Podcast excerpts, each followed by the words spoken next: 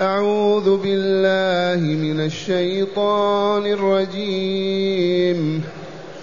إن الذين هم من خشية ربهم مشفقون. والذين هم بآيات ربهم يؤمنون. والذين هم بربهم لا يشركون والذين يؤتون ما آتوا وقلوبهم وجلة وقلوبهم وجلة أنهم إلى ربهم راجعون أولئك يسارعون في الخيرات وهم لها سابقون. ولا نكلف نفسا إلا وسعها. ولدينا كتاب ينطق بالحق وهم لا يظلمون.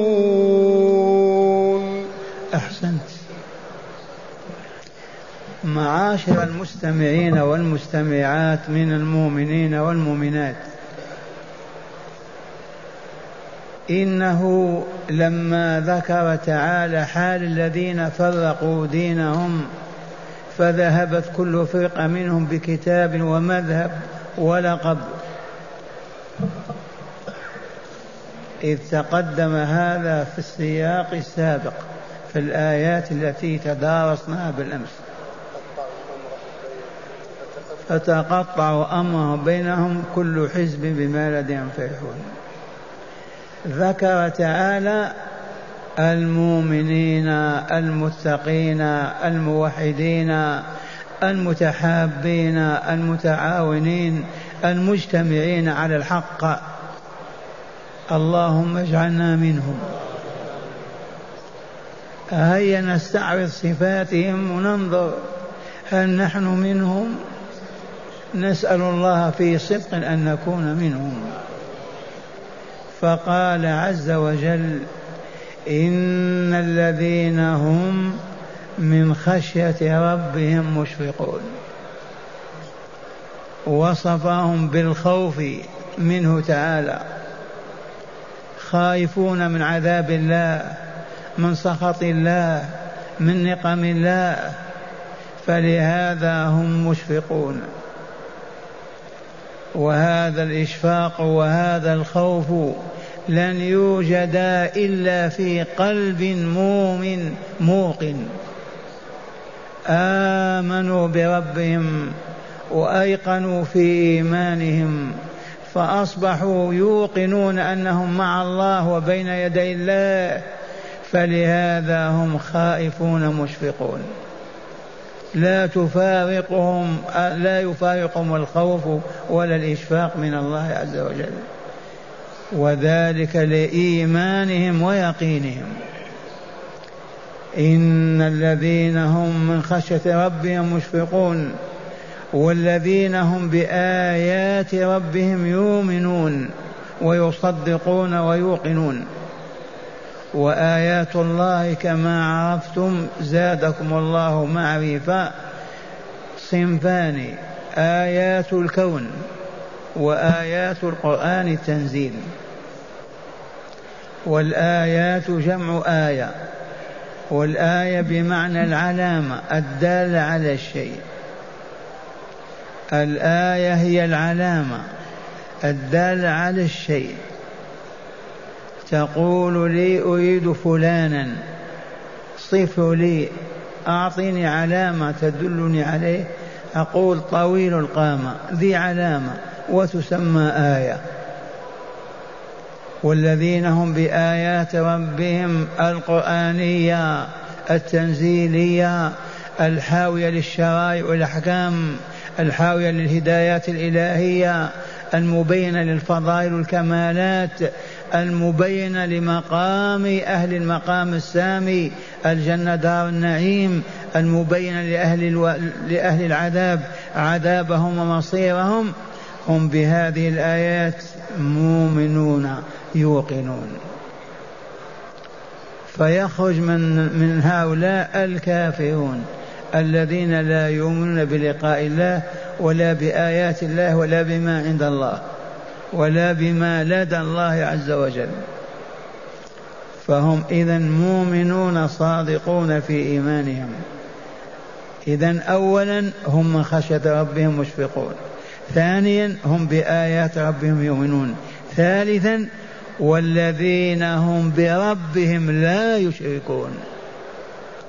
وهنا يجب أن نقف وقف متأملين. ما معنى لا يشركون بربهم؟ لا يشركون معه غيره. في ماذا؟ في عبادته. يعبدون الله وحده. لا يشركون معه غيره. لا ملكا مقربا ولا نبيا مرسلا ولا وليا صالحا فضلا عن الاشجار والأحجار والنباتات والصخور. وهنا يجب أن نعرف الشرك فيما يكون في العبادة. من العبادات التي تعبد الله بها الدعاء بل قال فيه رسول الله صلى الله عليه وسلم الدعاء هو العبادة. وورد الدعاء مخ العبادة. فليحيي الحياة الإنسان إذا فقد مخه أو أي حيوان. الدعاء هو العبادة. فلهذا من سأل غير الله حاجته قال يا فلان أعطيني. فقد أشرك في عبادة ربه غيره أي ذلك المخلوق الذي قال أعطيني. أو خذ بيدي أو فرج كم غمي كربي نفس عني. إذا أقبل على كائن سوى الله وقال أعطني أو افعل لي فقد أشرك في عبادة ربه. والله العظيم. وقد عم الجهل وغطى البلاد الإسلامية قرونا. فأصبح المسلمون يدعون غير الله تحت عنوان التوسل. يا سيدي فلان أنا كذا يا مولاي فلان يا كذا يا كذا ويسألون حاجاتهم. والله العظيم نساء ورجالا بل أهل القرآن الحاملون له. فسؤال غير الله إبراء فأقل من ذلك شرك في عبادة الله إذ لا نسأل حاجاتنا إلا من الله الذي يقدر على أن يعطينا ويملك أمرنا وتعبدنا بهذا الدعاء فكان عبادة له. ارفع يديك إلى السماء يا رب يا رب لا يلومك أحد ولا يعيبك أحد لأنك رفعت كفيك إلى ربك.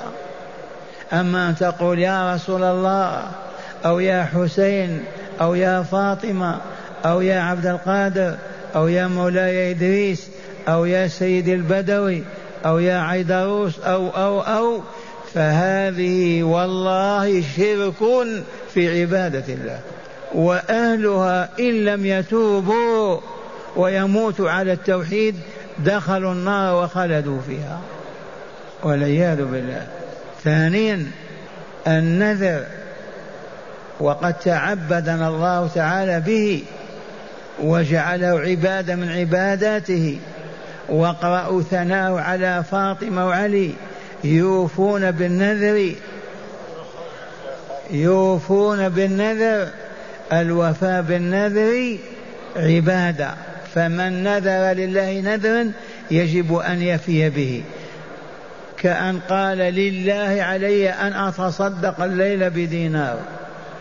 وجب عليه أن يفي. لله علي أن أصوم غدا. يجب أن يصوم. لله علي أن لا أتأخر عن الصف الأول. وجب أن يفي. إذا نذر لله نذرا في العبادات يجب أن يفي بنذره. وهو إذا مرحوم مكرم عزيز لأنه يعبد الله عز وجل. ومن نذر لغير الله يا سيدي فلان إن تزوج ولدي أنا أذبح لك شاء يا مولاي فلان إن حصل كذا أنا أطعم كذا والله لا أشرك في عبادة ربه غير الله. إذ نذر لغير الله. والذبائح. قل إن صلاتي ونسكي أي ذبحي. إنا أعطيناك الكوثر فصل لربك وانحر. أي لربك. فالذين يذبحون للجان والعفاريت الموهومة يذبحون للأولياء للقبور. هؤلاء والله أشركوا في عبادة ربهم تعالى غيره.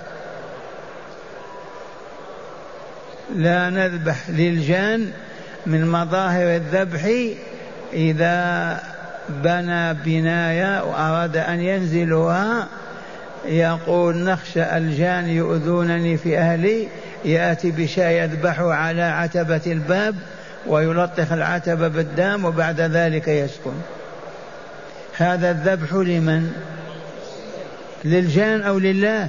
إن قلت لله نقول آه الله أمرك. ما هو لله. أمرك الله أن تذبح يوم العيد بسم الله. في من ينكر عليك. لكن عند النزول لهذا البيت تذبح شاة للجان وتقول خشية أن يؤذني في أهلي. وقد رأيت هذا في المدينة بعيني بنى أحد الإخوان من جدة بناء إلى جنب منزلنا. لما فرغ البناء وجدت العامل فيها ذبح الشاة ويوزع في اللحم ولطخ الدم ليمة قال أمرني المعلم. عرفتم؟ فالذبح ولو كان عصفورا لغير الله تعالى شرك في عبادة الله عز وجل. فلهذا أنتم براء من هذا. ثالثا رابعا الحلف. بغير الله شرك في عبادة الله. لأن الحلف تعظيم للمحلوف به. الحلف معناه تعظيم المحلوف به. لمن العظمة؟ لله أليس الله أكبر؟ الله أكبر. فكيف ترفع مستوى عبد وتحلف به ليكون مثل الله؟ أية ظاهرة أظهر من هذه في الشرك. وحسبنا أن يقول الرسول الكريم صلى الله عليه وسلم كما في حديث الترمذي في سننه ووالله لصحيح من حلف بغير الله فقد أشرك. الرسول عليم وإلا لا؟ لما تقول حق فلان وراس فلان والملح الذي بيننا واليوم كذا؟ هذه كلها مظاهر الشرك في عبادة الله عز وجل تحت عنوان الحلف. والعوام يحلفون حتى بالطعام والملح الذي بيننا والعياذ بالله. ما ترك لهم الشيطان بابا إلا غمسهم فيه. هل الحاضرون أطهار أنقياء من هذه ولا لا؟ والذين هم بربهم لا يشركون. لا ملكا مقرب ولا نبيا مرسل ولا عبدا صالحا فضلا عن غيرهما. لا ننذر إلا لله. نتخاطب مع ربي إن فعلت بي كذا أفعل كذا يجب أن تفي أن تفي بوعدك ونذرك. لأن النذر له صورتان. احفظوا. الصورة الأولى فقط تملقا وتزلفا إلى الله. ما لك حاجة أبدا. لك يا ربي أن نصوم غدا. لك علي يا ربي أن أتصدق بنصف مالي. وأنت لا تريد إلا رضا الله. هذا النوع مفهوم وإلا لا؟ النوع الثاني تقول ربي إن شفي ولدي من مرضه أذبح شالك. هذا نذر أيضا. مشروط وإلا لا؟ مشروط. ربي إن سخرت لي كذا أو يسرت لي كذا أفعل لك كذا وكذا. يجب أن تفي بنذرك لله عز وجل. النذر نوعان وإلا لا؟ نوع مجرد تقرب إلى الله وتزلف. تريد أن تحظى بالمنزلة عنده. لك يا ربي أن أصوم كل خميس. يجب أن تفي بنذرك. نذر مشروط بشرط. رب إن شفيت ولدي أفعل كذا وكذا. إن رددتني إلى أهلي أفعل كذا. إن يسرت لي الزواج فزوجتني أصوم كذا وأفعل كذا. إن فعل الله ما طلبته وجب عليك أن تفي بنذرك. والذين هم بربهم تعالى لا يشركون أي بعبادته لا يشركون بعبادته. لا يشركون في ربوبيته غيره فليس هناك في العوالم من يخلق ويرزق ويحيي ويميت إلا الله. لا يشركون في صفاته ابدا فيصفون المخلوقات بصفات الرب تعالى الله عن ذلك علوا كبيرا. لا يشركون في أسمائه لا يجوز أن تسمي ولدك العزيز أو الرحمن.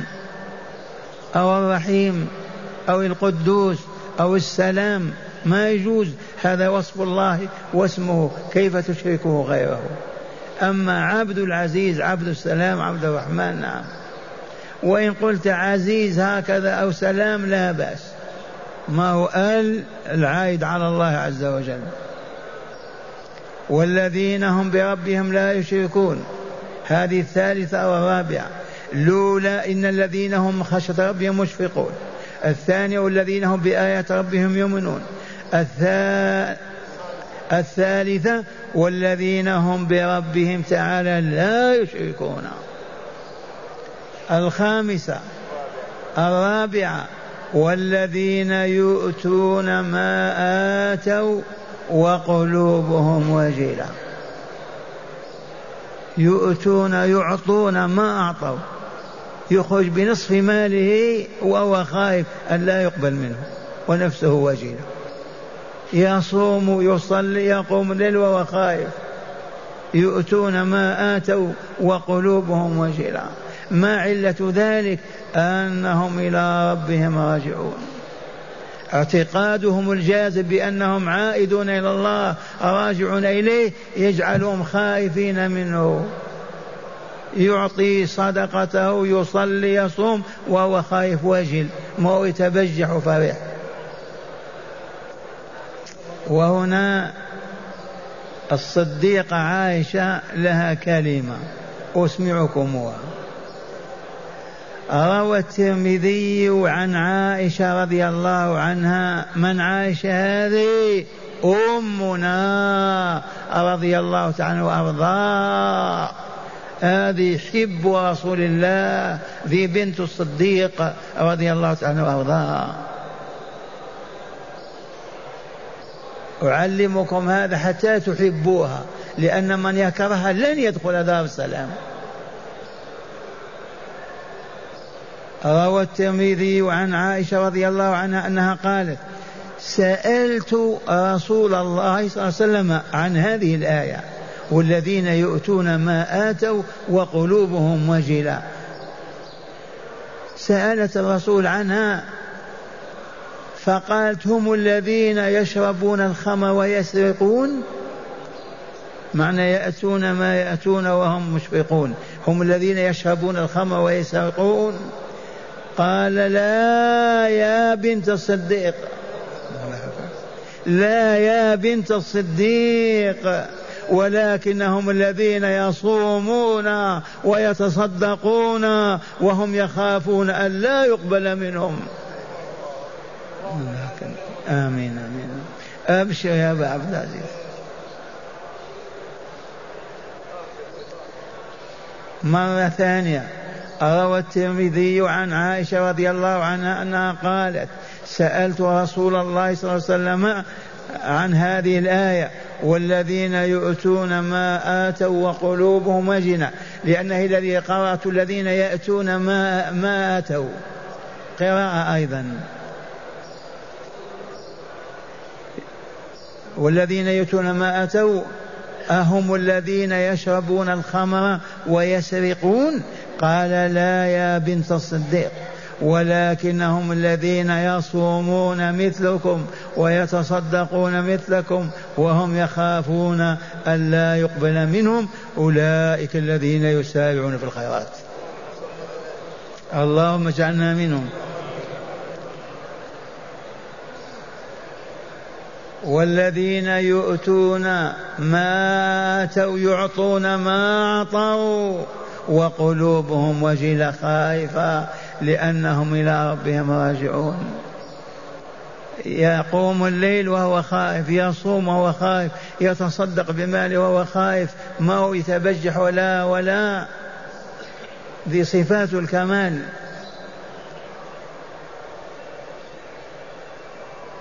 على الأقل لا تدري هل قبل منك هذا العمل أو لم يقبل. على الأقل يكون هذا في نفسك. صمت هل قبل الله صومي؟ تصدقت هل قبل الله صدقاتي؟ قمت ليلي هل قبل الله قيامي؟ تبقى دائما مع الله خائفا راجيا. لأن الخوف والرجاء كجناحي العقاب بهما تطير إلى السماء. فإن فقدت أحدهما هبطت. لا بد من الخوف والرجاء كجناحي الطير. إذا قطع جناحه هبط وإلا لا. هبط فالإنسان إذا منع الخوف من نفسه لا يخاف فقط أنا راجي ربي أنا راجي رحمة الله كذا سوف يدخلني الجنة سوف ينجيني كذا ولا يخاف. والله ما يستطيع أن يطير إلى السماء. وإذا كان تمكن الخوف فقط ورجا آيس يصلي يصوم ما يقبل مني آيس فهو كذلك هابط. ما يستطيع أن يصل. لا بد من الخوف والرجاء. الخوف من الله والرجاء في الله عز وجل. تعمل الصالحات وأنت خائف قد لا تقبل منك. تعمل الصالح وأنت راجي. ثواب الله وجزاءه وإكرامه لك وإنعامه عليك. والذين يؤتون ما آتوا وقلوبهم وجلا. أنهم إلى ربهم راجعون. إيمانهم بالدار الآخرة إيمانهم بالبعث والجزاء إيمانهم بالوقوف بين يدي الله يجعلهم يصومون ويصلون ويرابطون ويجاهدون وهم خائفون. ولكن مع الخوف رجاء لا خوف بدون رجاء خامسة أولئك يسارعون في الخيرات وهم لها سابقون. قالت العلماء من المسابقة والمسابقات حضور الصلاة في أول وقتها. الذين يصلون الصلاة في أول وقتها يدخلون ضمن هذه الصفة. يسارعون في الخيرات. الخيرات النوافل الفضائل معروفة وهم يسارعون فيها ويسابقون. هذا شعارهم ذي صفتهم الخامسة. والذي أولئك الذين يسارعون في الخيرات. أما قوله تعالى وهم لا سابقون يحتمل وجهين صالحين. الأول ما علمتم مصارعة يسبقون. الذين يسابقون سبقون الذين يسارعون في الخيرات يسبقون وإلا بخلاف المتباطئين كذلك الوجه الثاني هم لها سابقون أي للدار الجنة للدار الآخرة لنعيم الدار الآخرة. وهم لها سابقون أيضا في كتاب المقادير. في القضاء والقدر كتب الله أعمالهم مسبوقون بهذا الذي فعلوه. وهو كذلك كل أعمالنا سبق أن كتبها الله وكانت قبل أن نكون. هذه خمس صفات هيا نعيد تلاوتها ونتدبر نحن متصفون بها. فإن وجدنا أنفسنا مقصرين في صفة نعمل من الليلة على أن نوجدها. إن الذين هم من خشية ربهم مشفقون. هذا موجود الحمد لله. والذين هم بآيات ربهم يؤمنون قطعا لا تشكون في هذا. والذين هم بربهم لا يشركون. من كان يحلف بغير الله أو ينذر أو يسأل غير الله من الليلة يترك ذلك الشرك ويوحد ربه. والحمد لله ما بيننا من يشرك بالله. لأننا أهل علم والشرك يقع لأهل الجهل. العالم ما يشرك. والذين يؤتون يعطون ما أعطوا وقلوبهم وجلة. يتصدق بالصدقة وهو خايف. يقوم الليل وهو خائف يصوم النهار وهو خائف يجمع بين الخوف والرجاء أنهم إلى ربهم راجعون. أولئك يسارعون في الخيرات. اللهم اجعلنا منهم. وهم لها سابقون في قضاء الله وقدره. وهم لها سابقون. أولئك الذين لم يسارعوا ولم يسابقوا. بشرى لهم. والآن يقول تعالى ولا نكلف نفسا إلا وسعها لما ذكر المسابقة والمنافسة في بعض الإخوان عاجزون. أليس كذلك؟ ما نستطيع نحصل على الصف الأول. لمرض عاجز عن الصدقة ما عنده ما يتصدق به. عاجز عن الصيام ما يستطيع لا الخميس ولا الاثنين. فهل العاجز ونيته العمل الصالح. يواخذ بعجزه الجواب لا. إذ قال تعالى ولا نكلف نفسا إلا وسعها. أنت المسابقة والمساواة في حدود طاقتك وقدرتك. أما العاجز يعفى عنه لعجزه. إذ لا يكلف الله نفسا من الأنفس إلا طاقتها وقدرتها. دون الطاقة والقدرة ما يكلفها. ولا نكلف نفسا إلا وسعها. الوسع الطاقة والاتساع القدرة بحسب قدرتها على العمل. وهذا من فضل الله ورحمته بالمؤمنين والمؤمنات. ولا نكلف نفسا إلا وسعها. ثالثا ثانيا ولدينا كتاب ينطق بالحق وهم لا يظلمون. ولدينا أي وعندنا. من القائل هذا؟ الله. قال عندنا كتاب وهو ما تكتبه الملائكة الكرام الكاتبين. هذا الكتاب الذي ينطق بالحق ولا يكتب فيه إلا ما هو حق. هذا عند الله عز وجل وبه يتم الجزاء والحساب. وعندنا كتاب ينطق بالحق وهم لا يظلمون.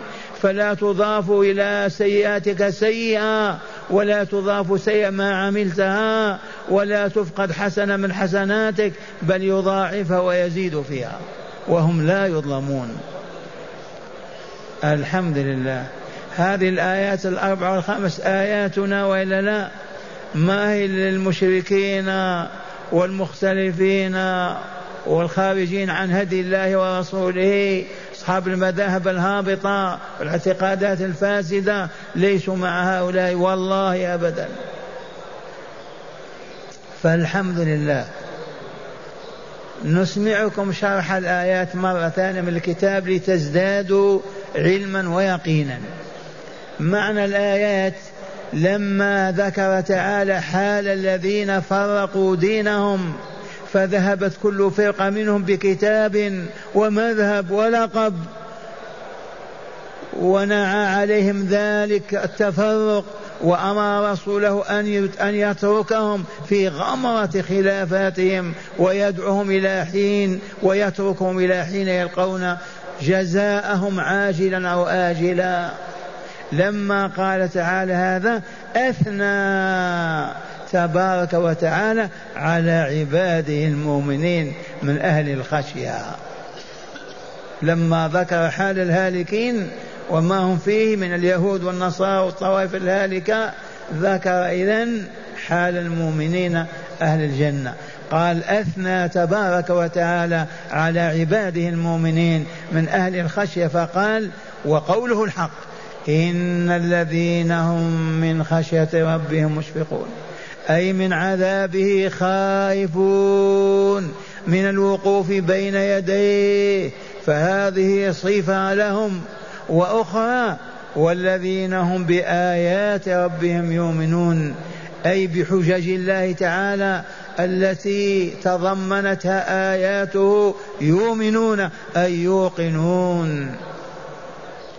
والثالثة والذين هم بربهم لا يشركون أي في ذاته ولا صفاته ولا عباداته فيعبدونه بما شرع لهم موحدينه في ذلك لا يشركون به غيره. ورابعا والذين يؤتون ما آتوا وقلوبهم وجلا أنهم إلى ربهم راجعون أي يؤتون الزكاة وسائر الحقوق والواجبات وقلوبهم خائفة من ربهم أن يكونوا قد قصروا فيما أوجب عليهم وخائف أن لا يقبل منهم عملهم. وذلك ناجم وناتج لهم من قوة إيمانهم برجوعهم إلى ربهم ووقوفهم بين يديه ومساءلته لهم. ومساءلته لهم لما قدمت لما أخرت. هذا لا بد منه. وقوله تعالى أولئك يسارعون في الخيرات وهم لها سابقون. في هذه الآية بشرى لهم. إذ أخبر تعالى أنهم يسارعون في الخيرات وأنهم سبق ذلك لهم في الأزل في كتاب القضاء والقدر. فهنيئا لهم هنيئا لهم. وقوله تعالى ولا نكلف نفسا إلا وسعها فيه قبول عذر من بذل جهده في المسارعة في الخيرات ولم يلحق بغيره أعذره ربه فإنه لا خوف عليه.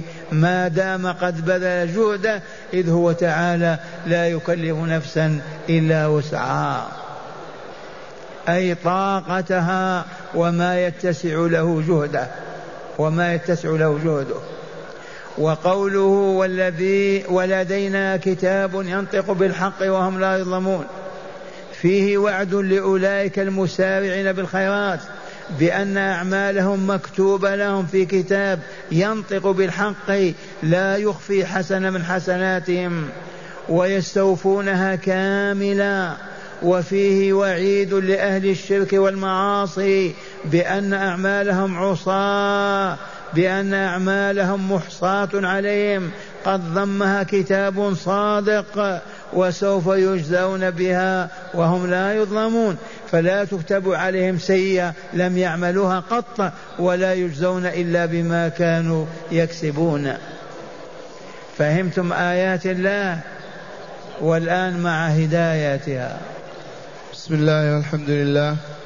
من هداية هذه الآيات أولا فضيلة الخشية والإيمان والتوحيد والتواضع والمراقبة لله تعالى. فضيلة ماذا؟ الخشية. الخشية لله والخوف من الله والتوحيد والتواضع. والتواضع والمراقبة والمراقبة لله عز وجل. كل هذه فضائل. تضمنتها الآيات الأربع. نعم. ثانيا بشرى الله بشرى من الله تعالى لأهل الإيمان والتقوى. بشرى من الله تعالى لمن؟ لأهل الإيمان والتقوى. وهم أولياء الله الذين لا خوف عليهم ولا هم يحزنون. من أولياء الله؟ المؤمنون المتقون. في الآية بشرى لأولياء الله المؤمنين المتقين. قال الشيخ في النهر يسارعون في الخيرات أي في الطاعات كي ينالوا بها أعلى الدرجات والغرفات ولم يقل يسارعون إلى الخيرات إذ هم في الخيرات لم يخرجوا من دائرتها أبدا فهم فيها يسارعون. لطيفة علمية ما قال يسارعون إلى الخيرات؟ المفروض يقول يسارعون إلى الخيرات. قال يسارعون في الخيرات. معناه ما خرجوا عن دائرتها فهم في وسطها يسارعون. لأنهم بعيدون عنها ثم يسارعون لها. قال يسارعون في الخيرات. ما قال يسارعون إلى الخيرات. ثالثا تقرير قاعدة رفع الحرج في الدين. تقرير قاعدة شرعية ربانية جاء بها الكتاب والسنة. لا يختلف فيها عالمان من المؤمنين وهي أن الله عز وجل لا يكلف الإنسان إلا بقدر طاقته. ما يزيد عن طاقته لا يكلفه عرفتم؟ في أية عبادة؟ رباط جهاد صدقة قول صلاة صيام لا تكلف إلا في حدود قدرتك. ما زاد عن ذلك لا تكلف به. إذ لا يكلف الله نفسا إلا وسعها أي طاقته وقدرتها. رابعا وأخيرا تقرير كتابة أعمال العباد وإحصاء أعمالهم ومجازاتهم بالعدل. تقرير كتابة أعمال العباد. أما تقرؤون قول الله تعالى وإن عليكم لحافظين كراما كاتبين. من هؤلاء؟ الملائكة الذين يتعاقبون فينا الليل والنهار يجتمعان في صلاة الصبح وصلاة العصر. صلاة الصبح ينزل ملكان لتسجيل أعمالنا في النهار.